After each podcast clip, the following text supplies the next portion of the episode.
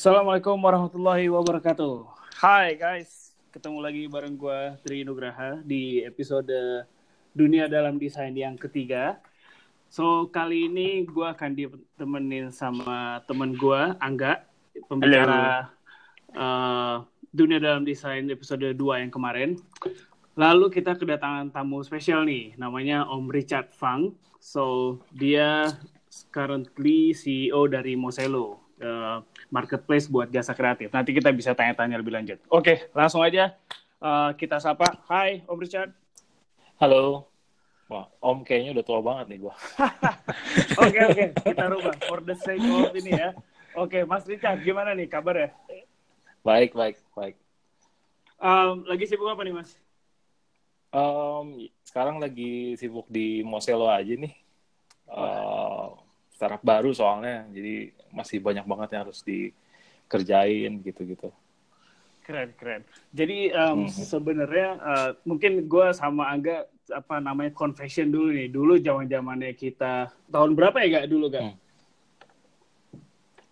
2012 ya, kita ya, tahun 2012 lah kita tuh masih jadi web designer gitu kan terus jurus, jurus grafis jurus grafis iya jurus grafis. jurus grafis kita masih jadi web designer terus saat itu tuh satu-satunya web designer lokal yang kita look up to tuh nih Om Richard Fang ini gitu waduh terus waktu itu kita inget uh, ada acaranya kreatif kalau nggak salah acara kreatif yang uh -huh. pertama tuh kumpul kreatif hmm. nah gue sama Angga datang tuh nonton lo jadi oh. speaker hmm buset yeah. low banget yo Nah, jadi nih kayak dream come true gue sama Angga nih bisa ketemu nih sekarang. Buset ya. Ayo, thank you, thank you udah di invite juga nih. Yes. Oke, okay. so um, gue sebenarnya inspire uh, buat angkat topik uh, judulnya How to Transform from a Designer to Entrepreneur nih, karena uh-huh. uh, banyak teman-teman gue di lingkungan uh, desain dan produk uh, kadang mereka bingung gitu. Uh, gue sebagai hmm. desainer nih gimana sih gue mesti step up? Karir gue mau dibawa ke mana sih? Hmm. bakal ngomongin itu. Ya. Oke okay, uh, eh, sebelumnya mungkin uh, Mas Richard gantian atau Om Richard buat apa ngenalin diri terus mungkin cerita sedikit karir journey-nya seperti apa? Oke. Okay. um, nama gue Richard.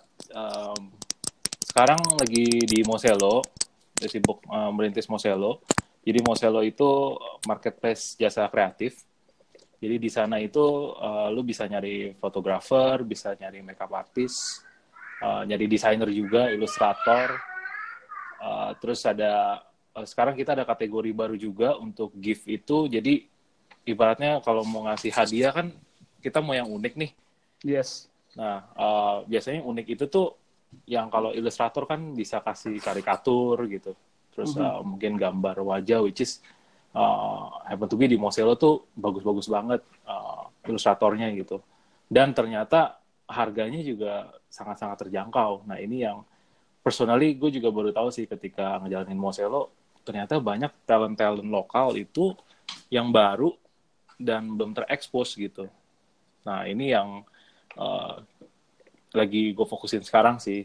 Nah, sebelum Moselo uh, terlibat di ini Weekend Inc jadi itu startup gue sebelumnya ini. Weekend Inc. itu uh, digital product agency. Jadi um, ya kita jasa sih, jadi bikinin website, bikinin apps untuk klien-klien uh, seperti Sampurna, terus uh, BTPN kayak gitu-gitu. Corporate lah, lebih corporate gitu. And then iya sebelumnya weekend ya tiket.com sih. Mungkin itu yang um, lumayan apa startup journey pertama gue lah gitu tiket.com itu. Jadi pas tiket.com ya perannya masih desainer sih. Desainer semua dari logo branding uh, sampai UI UX-nya juga gitu. Ya kira-kira sekilas seperti itu. Kalau sebelumnya lagi mungkin zaman jurus grafis ya masih freelance ya. Mm-hmm. masih zaman zaman ya freelance banyak waktu banyak waktu buat nulis gitu ya Oke, keren, keren. Uh, kayak gitu oke okay. hmm. uh, kan berarti sebenarnya jalan entrepreneurship itu dimulai dari si weekending ya hmm ya uh -uh. kalau dari Yes. Gimana tuh? Uh, boleh cerita nggak? Ini kan pas uh, sebelumnya di tiket atau di sebelumnya lagi jadi Hmm. desainer, kenapa nih tiba-tiba kok ah gue mau jadi entrepreneur apa udah males gitu ketemu bosnya apa gimana? Eh, Eh, t- tapi tapi masih jalan nggak sih weekendnya? weekendnya masih masih jalan. Ah, Iya, masih jalan. Eh, jadi awalnya itu memang kalau eh, entrepreneur journey sih di weekend ya. Em, kalau pas di tiket.com kan gue diajak join gitu dan as a designer jadi mungkin secara expose-nya oh dunia startup tuh seperti kayak gini loh. Nah, itu di tiket.com tapi gue spesifik di handle di desainnya aja. Nah, ketika di weekend itu memang jadi kerasa banget oh ini ternyata merintis bisnis tuh seperti ini ya gitu sampai dari awalnya berlima gitu terus sampai terakhir tuh di 45 sampai 50 orang nah ini eh, baru berasanya di weekend gitu terus terus sekarang di Moselo ya lebih berasa lagi karena produk bukan jasa jadi tantangannya beda lagi gitu I see. Kalau dari mulai awal uh, itu as a web designer yang sekalian coding, apa emang cuman UI apa gimana Hmm, hmm. dulu? di awalnya sih jadi gue memang nggak bisa coding sih Eh, sempat belajar HTML CSS gitu tapi mungkin karena apa ya suka lupa sih gue sebenarnya. Jadi eh, selalu harus ngelihat eh, reference terus gitu. Ya lama-lama jadi Mhm. kayaknya eh, strength gue nggak di sini deh gitu. So eh, yang gue pahami itu lebih ke konsepnya. Jadi konsep front end itu seperti apa back end seperti apa terus cara kerja sistem tuh gimana sih? Eh, jadi secara konseptualnya dapet baru masuk ke ya udah strength gue di visual di desain ya gue explore tuh UI eh tiba-tiba nih UX nih gitu apalagi nih dipelajarin lagi sih Eh, ngeliat-ngeliat di internet kayak gitu gue nanya ya, gue boleh. Mhm. Gua- Hmm. Transisi yang paling challenging dari desainer ke udah hands off dari desain itu apa aja tuh mas? Oh, hands off ya. Mungkin uh, step pertamanya sih ini sih ketika um, nge-hire designer and then berarti kan kita harus uh, agak melet go gitu ya yang tadinya kita hands on banget terus nge-let go ya biasa kayak misalnya kalau gua tuh ini banget ke detail-detail yang kecil-kecil gitu kayak oh Oh oh, pasti. drop Sepixel dua iya pixel. sepixel dua pixel Sekiri sekanan. Iya. Terus kayak misalnya bikin drop shadow tuh harus eh, ada drop shadow tapi jangan kayak ada drop shadow-nya gitu, tapi harus ada. Bingung kan? Eh, Terus gradient tuh harus ya jangan terlalu keras, keras tuh kayak gimana, lembut tuh gimana. Eh, nah, mungkin tantangannya ketika itu sih mentransfer knowledge itu sih. Jadi memang kayak butuh dikasih apa training gitu. Terus gue juga dipaksa Mhm. untuk um, membreakdown proses gue. Itu yang kerasa banget karena kalau desain sendiri kan kita ada yang di otak kita, ada yang di pikiran kita, kita tuangin kan. Terus referensi-referensi kita cari sendiri kayak semuanya itu di otak sendiri gitu. Nah, ketika ada Mhm. tim gimana nih kita membreakdown itu and then kita komunikasikan sampai hasilnya itu sesuai dengan apa yang kita rencanakan di awal. Betul, Oh. karena eh, emang masing-masing desainer punya caranya sendiri ya buat Mhm. buat mulai desain atau eh, framework atau apa namanya prinsipnya dia sendiri gitu. Oh, bener-bener itu bener banget sih. Gitu. Jadi tantangan di awal sih itu sih. Jadi um, breakdown the process and then gimana transfer knowledge itu ke tim. Habis itu ya ongoing uh, ya apa namanya revisi terus approval gitu-gitu. I see. Hmm. Um, terus kalau misalnya kan desain nih, maksudnya nggak banyak anak-anak desain yang uh, bisnis mindset Mhm. nih. Nah itu gimana tuh mulai dapat ilham? Wah kayaknya gue oke nih gue di bisnis. Apa belajar apa gimana tuh? Uh, belajar sih. Jadi sebelumnya ini pas gue freelance itu um, sempat di desain studio juga thinking room kan. Nah di situ sebenarnya gue belajar bisnisnya di sana sih. Uh, karena waktu itu thinking room uh, studionya baru, jadi uh, kliennya tuh belum terlalu banyak ya. Jadi kayak kita banyak waktu untuk explore. Nah di situ tuh uh, bisa banyak belajar dan akhirnya gue nyoba bikin kayak clothing gitu. Dulu kan zaman zamannya uh, distro kan. Terus jualan kaos. Mhm. Nah dari situ sih um, tadinya awalnya kayak oh gue pengen karya gue ada di kaos nih. Terus di posting eh ada yang mau. Nah dari situ eh ternyata bisa jualan juga ya dari karya lu. Nah itu yang um, step pertama gue sih oh ternyata bisa dapet duit juga nih dari hasil desain dari hasil karya gitu. Nah journey pertamanya di sana baru ya akhirnya kan clothingnya nggak jalan. Nah di situ gue belajar oh ternyata bisnis itu nggak hanya desain bagus ya. Ternyata kayak kalau clothing dulu kan harus nitipin di distro. Habis Mhm. itu ternyata harus follow up. Jadi ya harus didatengin, Follow. Oke. datengin um, kaos gue laku berapa, terus duitnya mana uh, yang udah laku gitu. Ya that kind of sales thing sih itu yang oh ternyata kayak gitu ya untuk ngejalanin bisnis gitu. Menarik, menarik. Hmm. Ternyata desainnya cuma kayak 30% doang gitu ya. Iya, kayak mungkin Nah. eh, 20% sih. Tapi 20% tapi sekarang gue bersyukur banget karena dengan background desain itu dari 20% itu kita bisa jadi beda dari yang lain gitu. Hmm. Itu. Sebagai founder gitu, terus kan tapi ada background desainnya gitu kan. Hmm. Itu influence banget nggak sih ke produk yang lo buat gitu? Oh. Maksudnya kayak, maksudnya kan beda lah kalau misalnya yang backgroundnya nggak dari desain kan adanya lebih kayak sales banget. Tapi Mhm. Kalau lo kan kayaknya ada background desain kan ke influence banget nggak sih? Kalau kalau gue ketemu ketemu lo kan jelas banget Hmm. udah well done banget desainnya kan. Hmm, kan. Waduh, thank you. Iya itu pasti banget sih. gue juga sebenarnya ngelihat ke kayak Airbnb gitu kan, foundernya ada desainer ya. Yes. Jadi kayak ya kita bisa sama-sama lihat seberapa beraninya dia kayak tiba-tiba waktu itu kan keluar yang redesign yang tiba-tiba putih semua nih kayak wireframe doang nih dikasih konten gitu. Kayak Nyeleneh ya. iya kayak wah nih nggak mungkin deh kalau nggak ada apa background desain bisa seberani itu gitu. Dan terbukti maksudnya Mhm. kalau case Airbnb ya sekarang mereka ya beda banget in term of jadi mendukung gitu konsep yang aneh Mhm. Orang stranger datang ke rumah lu nginep harus didukung sama desain yang support that kind of idea gitu. Tapi konflik gak sih kadang keputusan desain sama keputusan bisnis antara dapur ngebul gitu sama ini yang paling bagus nih gitu misalnya. Aha.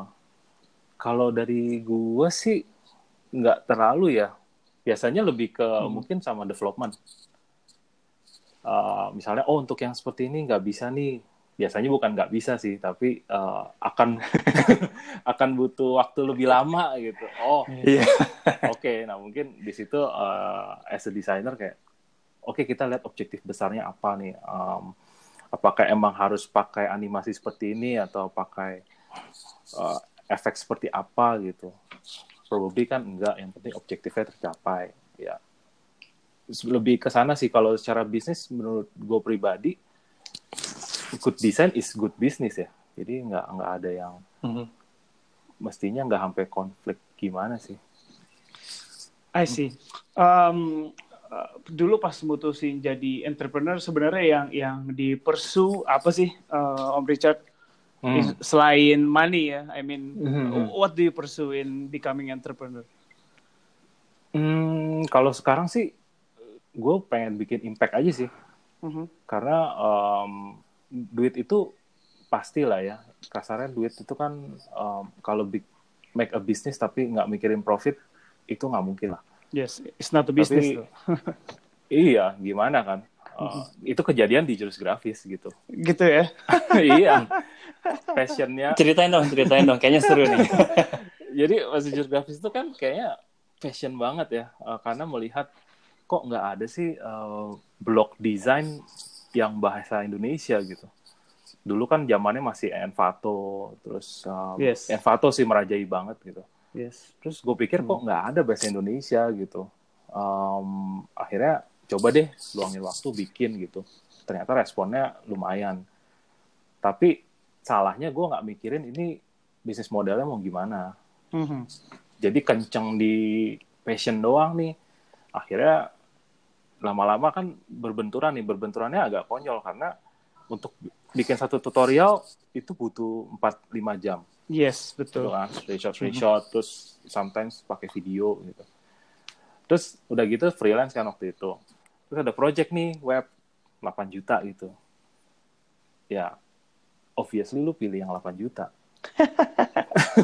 Ya, ya, ya, ya, ya. iya kan? Maksudnya em, karena di jurus grafisnya gue nggak pikirin kayak ini tuh gue bisa partner sama siapa mungkin brandnya brand apa kalau iklan iklan sama siapa gitu. Ya masih muda aja kali ya jadi masih wah pokoknya gue mau bikin Idealis iya ya? masa sih eh, Indonesia nggak ada apa blok desain yang eh, decent gitu.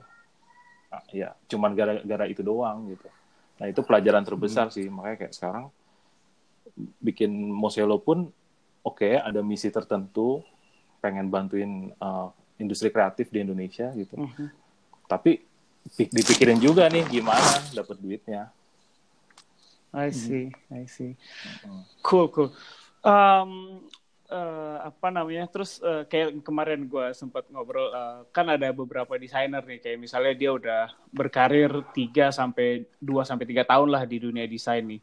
Hmm. Terus eh, lu bisa kasih tips nggak sih atau insight buat mereka yang bingung nih, nih gue jadi UI terus, apa gue UX terus, apa gue mesti belajar hal baru? Menurut lo gimana tuh cara menyikapinya? Mhm. Hmm, kalau gua mungkin setiap orang tuh biasanya selalu ada dua cabang sih nantinya. Pertama yang cabang ke kiri itu spesialis kan. Oke.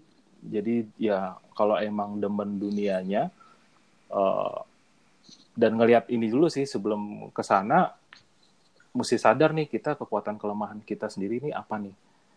Apakah emang eh, kita demen yang desain bener-bener deep gitu dalam Mhm. terus eh, karena kalau desain ini kan lama-lama dilatih kayak UX pun sometimes oke ada riset ada ada data-data pendukung gitu ya tapi tetap intuisi itu tuh nggak bisa Yoi. bohong sih Betul, betul. I- itu yang gue selalu kayak oke data nice tapi kalau kita mau bikin something yang beda intuisi itu perlu di dicoba dan diasah gitu Dan itu Nah. ngajarinnya susah ke orang lain ya.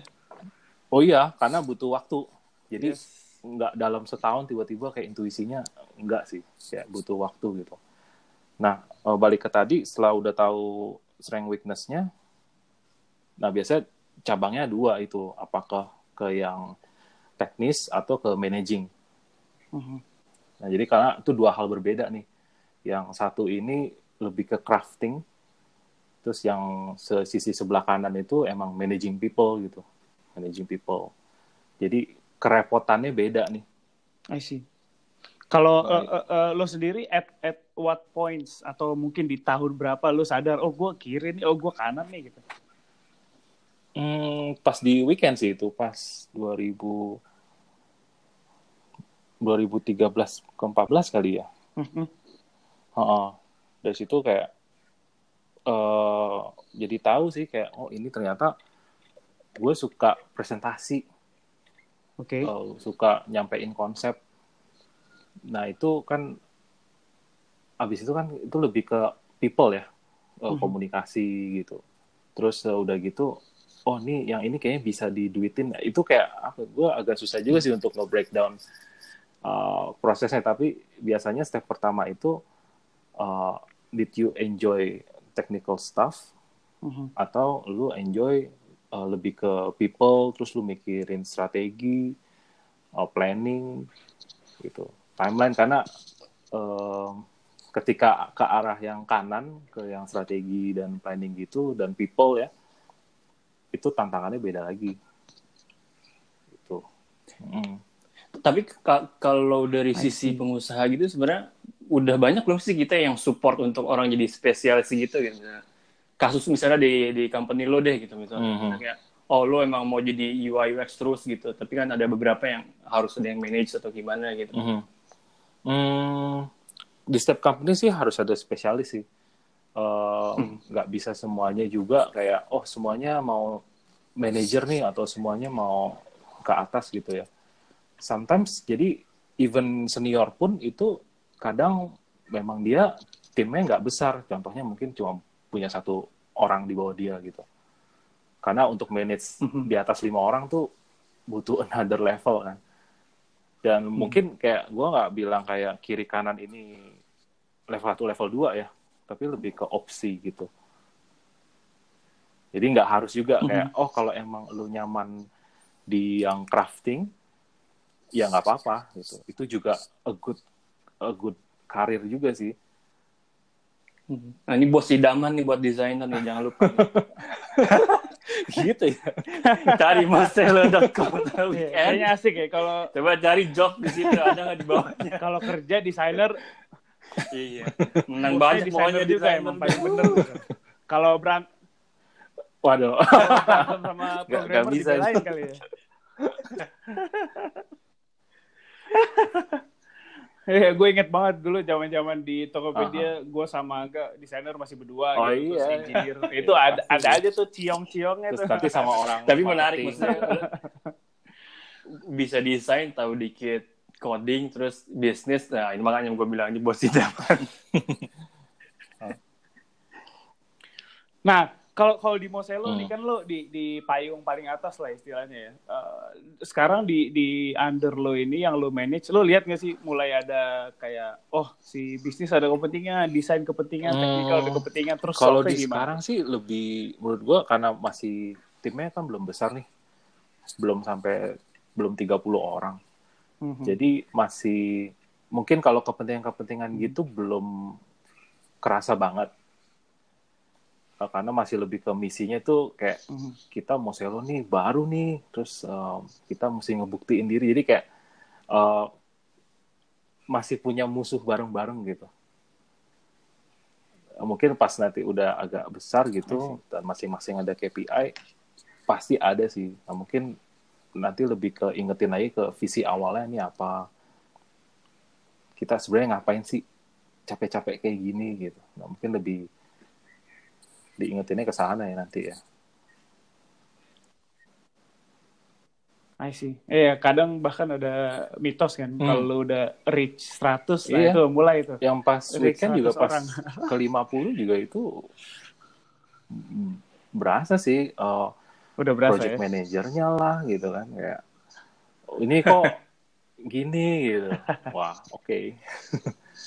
Terus developernya ini kok nggak jelas sih ininya eh, directionnya dari PM-nya atau dari kliennya kok gini sih. Ya, pasti ada lah perbedaan. I see. Em, pas di di weekend eh, Masih- masih itu jalan. di oh berarti sekarang masih jalan ya weekend ya? Jadi posisinya Oh. Om Richard di weekend Oh enggak sih, gue udah totally uh, Penasehat keluar atau- dari weekend. Mm-mm. Mm-mm.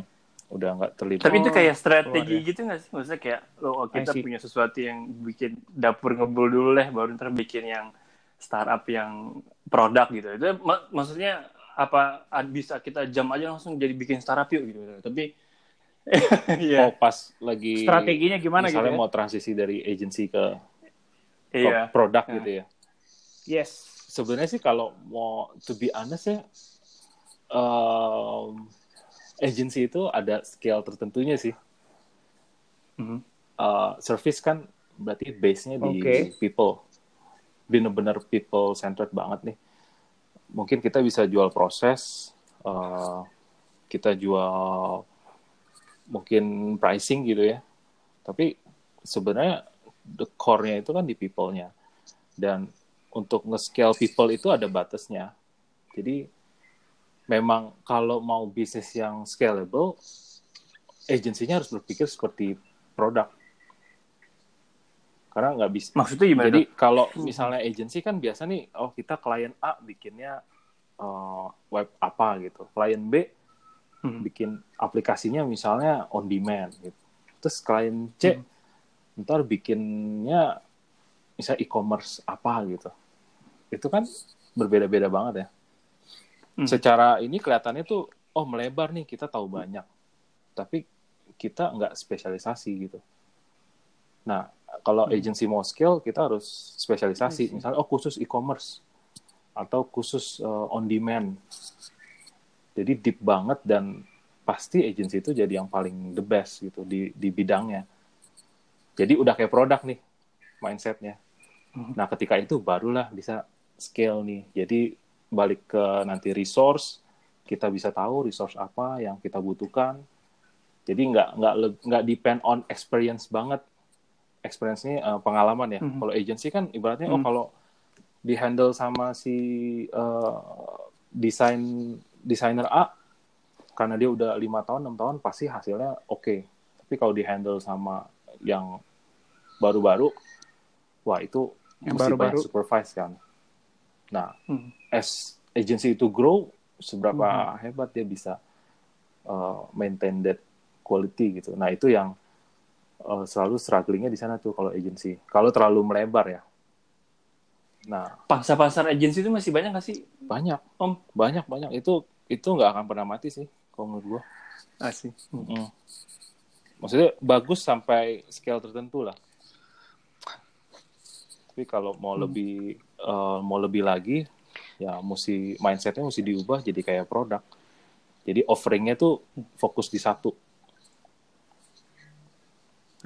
Mm-mm. I see. Kalau kalau sekarang nih kan eh, mungkin udah eh, gua nggak tahu ya kan setiap desainer misal gu- gua atau Angga gitu pasti ada di satu titik di mana lo kayak ah, hmm. Ini pertanyaan bahaya banget nih, nih Triad. desain nih gitu. Banyak yang resign abis ini gue aduh jenuh banget di desain karena gue lihat beberapa temen gue kayak misalnya aduh Tri gue bosen nih Hmm. jadi web designer kayak gue mau nyobain apps sih nah itu menurut lo itu satu hal yang oke atau satu hal yang perlu di apa ya perlu dicari Hmm. jenuh dalam penyembuhnya gitu. ya Um, kalau dari kalau tadi Mhm. misalnya kalau case yang lu bilang uh, jenuh di web and then mau cobain desain app menurut gue itu bagus karena emang harus ada Mhm. belajar baru ya harus level up juga ya tapi kalau misalnya udah jenuhnya in general Mhm. kayak aduh gua jenuh nih ngedesain mulu gitu nah harus balik lagi oke kalau Mhm. gitu kira-kira lu endingnya mau ke mana ini ibaratnya kayak dipikirin 10 tahun lagi 20 tahun lagi lu ngebayangin diri lu tuh lagi ngapain gitu see. Abis itu baru, oke sekarang yang menurut lu, lu jago, lu melakukan apa? Bisa jadi nggak ngedesain nih. Maksudnya desain itu, gue makin ke sini tuh desain itu kayak Mhm. udah bawaan ya. Kayak em, untung aja bisa ngedesain gitu. Jadi kayak tahu, oh ini harusnya seperti apa. Terus, oh tipografi nih harus nih gitu. Itu jadi udah lebih bukan something yang jadi kayak itu fondasinya gua gitu. Bukan something yang uh, utamanya. Nah, karena begitu lu udah tahu lu maunya apa dan lu sadar strength weakness lu, lu ngeliatnya udah beda lagi. Lu nggak akan ngeliat, oh gue bosan ngedesain, tapi dengan skill desain gua, kira-kira gue bisa bikin apa nih?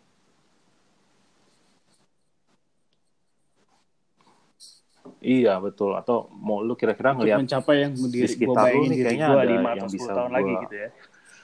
bikin nih ada yang bisa gue bantu nih sebenarnya gitu dengan skill desain gue everything misalnya kayak yang sekarang mau bikin apa pun kalau desainnya udah oke kan basically itu dis, produknya pasti bagus solusinya pasti bagus gitu tinggal impactnya ke masyarakat nih apa gitu terus benefit yang lo dapat apa jadi udah udah lebih kayak level up nya tuh the next stage gitu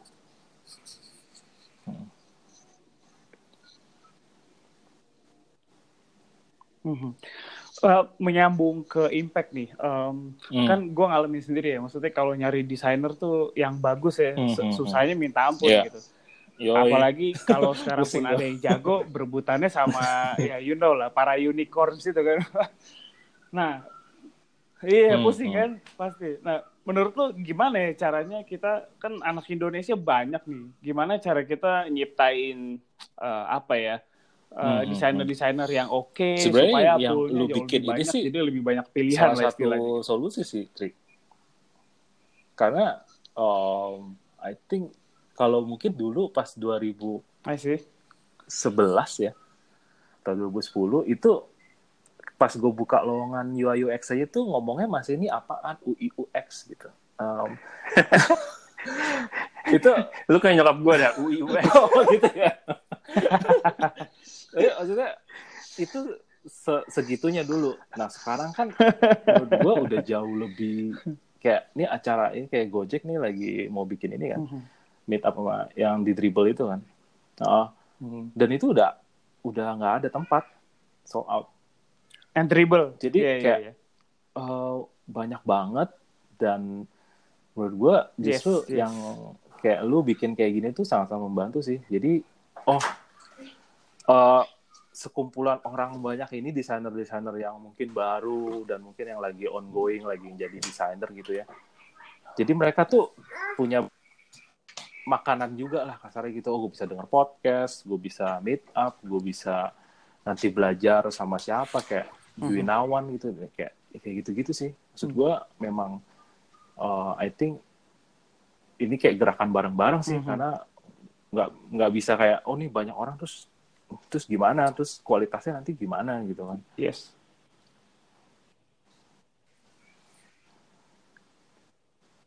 Yes.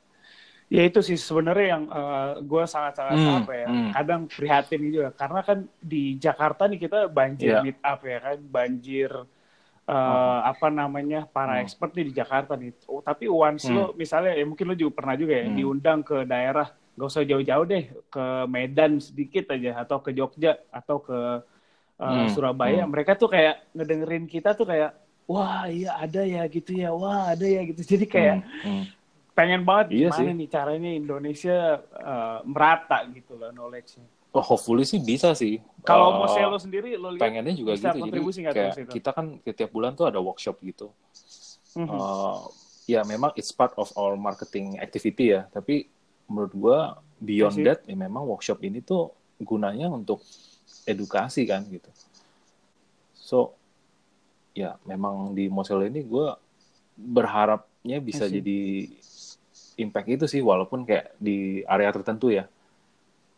Oh, gitu. Mhm. I see. Hmm, Eh, hmm. Oke, Eh, mungkin ya kita udah mendekat ke eh, closing nih ya kan. Em, kalau dari Om Rika sendiri nih, eh, boleh nggak kasih apa ya tips atau pesan based on your experience buat para desainer baru dan juga para desainer Hmm. yang kayaknya udah eh, udah tiga Oke. empat tahun terus dia Kalau bingung mau ke mana gitu. yang baru ada kisi-kisi atau eh, tips? ya serap aja sih sebanyak-banyaknya. Eh, ini bacaan banyak di medium tuh wah kayak ribuan gitu kan. Terus untuk di lokal banyak banget sekarang eh, yang bisa ditanya. Meet up itu datang, jadi pas datang meet up tuh jangan datang terus pulang gitu. Eh, ya kenal kenalan, memberanikan diri kenalan, terus nanya ke yang speakernya gitu. Eh, itu untuk yang baru ya. Kalau yang lagi ngejalanin udah 3-4 tahun, ya mungkin saatnya Yes. bertanya ke diri sendiri, ini eh, lima tahun lagi, 10 tahun lagi, gue masih mau melakukan ini atau enggak. Terus kira-kira dengan experience yang sekarang, udah empat tahun, udah lima tahun, kira-kira gue bisa bikin apa lagi ya next-nya. Jadi kalau untuk yang baru itu banyak serap, kalau yang udah 4 tahun, 5 tahun, ya saatnya refleksi ke diri sendiri. Hmm. I see. Tadi eh, yang poin pertama menarik juga sih, benar Hmm. juga karena gue lihat, eh, misalnya gue kerja sama bersama berpul-pul desainer, eh lu jadi speaker nih, gue mau bikin acara, eh, yang berani tuh paling satu dua doang gitu kalau iya, orang kita. itu gue juga, I think it's apa ya culture ya, culture dan sekolah nih makanya sekolah tuh yang zaman kita tuh udah nggak bisa deh di zaman sekarang. Kan di sekolah tuh kita nggak boleh banyak nanya kan. Iya, One way banget ya. malah takut di apain gitu kan. Sementara di zaman sekarang Bener. kalau lu nggak nanya, ya mau gimana? Iya, I see. jadi emang harus berani nanya sih. Oke, cool. Hmm. One last question nih dari eh, Angga nih. Em, kalau nih Moselo lagi hire desainer ya? Oh iya, kira-kira? kita kita lagi emang lagi mau bentuk timnya sih untuk ya uh, produk, produk desain gitu kan. Dan Mhm. karena um, konsepnya kan chat commerce nih, so it's it's a new concept gitu. Dan ya memang lagi open sih, lagi mau bangun timnya sih pelan-pelan juga. Nah, kalau untuk hiring nih, eh, apa sih tips-tips hiring dari seorang CEO-nya Moselo?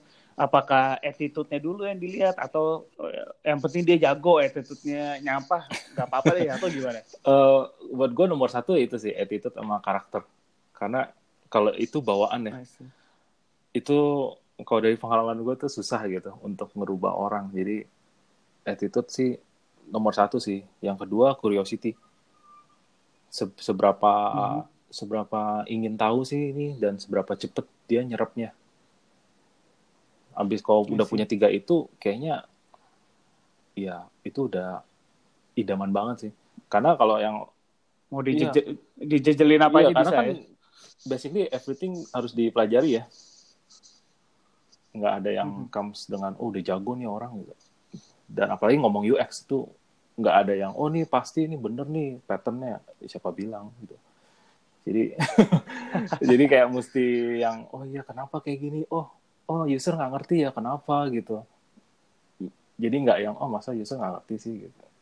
Wah, ya kan attitude-nya beda see. banget. I see, I see.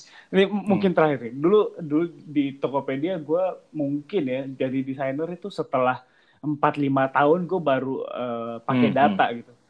Dari awal tuh biasanya Hmm, intuisi hmm. doang tuh. Nah, lu sekarang gimana? Nah nih? sekarang sekarang nih kita baru uh, mulai nge-tracking, mulai nge-tracking. Jadi karena kan kemarin itu masih fasenya build build build aja gitu kan, build build pokoknya gimana Hmm. caranya kita cepet nih uh, launching.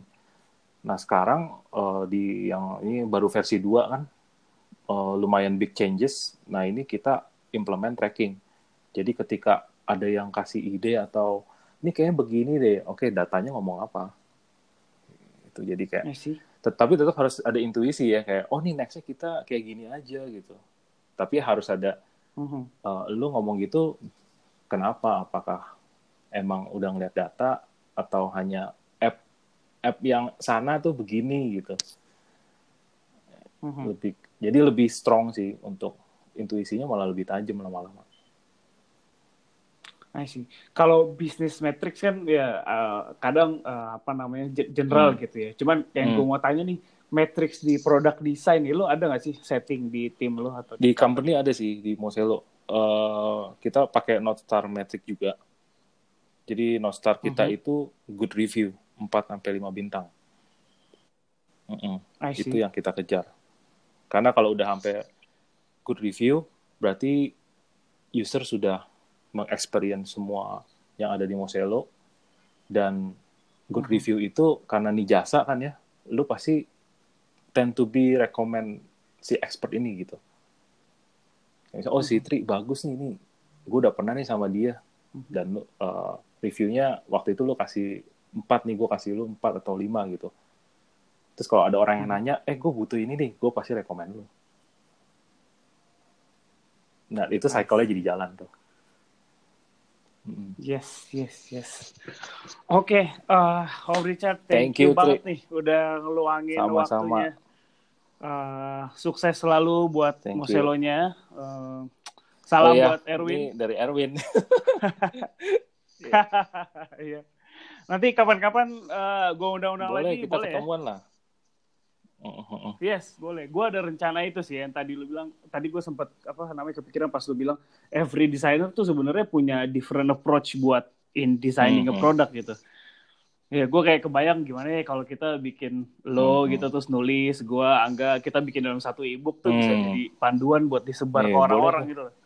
boleh banget Ya, Oke, Bersedia. bersedia berarti ya nanti gua bersedia kontak-kontak. banget makanya ini gue sebenarnya Oh. merindukan banget maksudnya ada yang kayak kemarin kan si Thomas sama si Dwinawan gitu kan Yes. terus siapa lagi Yes. nih gitu ya di Gojek kan Momo tuh emang dia makanya kan banyak meet Yes. up gitu-gitu tapi I think we need more sih gitu Yes. jadi Yeah, yeah, ni- nice person Momo. I ha- I have met her couple of iya times. gue udah tahu dia pas dari zaman freelance jadi kayak wah Nice, ini nice, banget nice. asik banget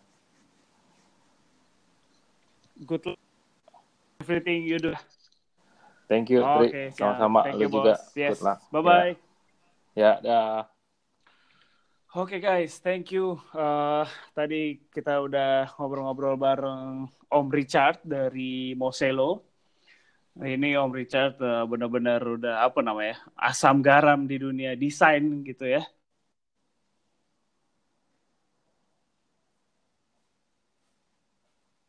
Semua dapat pelajaran yang uh, bermanfaat dari obrolan kita di kesempatan kali. Alright, thank you. Jangan lupa follow anchor-nya Dunia Dalam Desain, uh, podcast-nya. Terus jangan lupa juga follow Instagram kita sama Dunia Dalam Desain juga. Di situ ada postingan uh, lucu-lucu dan bermanfaat ya kadang-kadang. So, oke. Oke, thank you. Uh, this is Tri.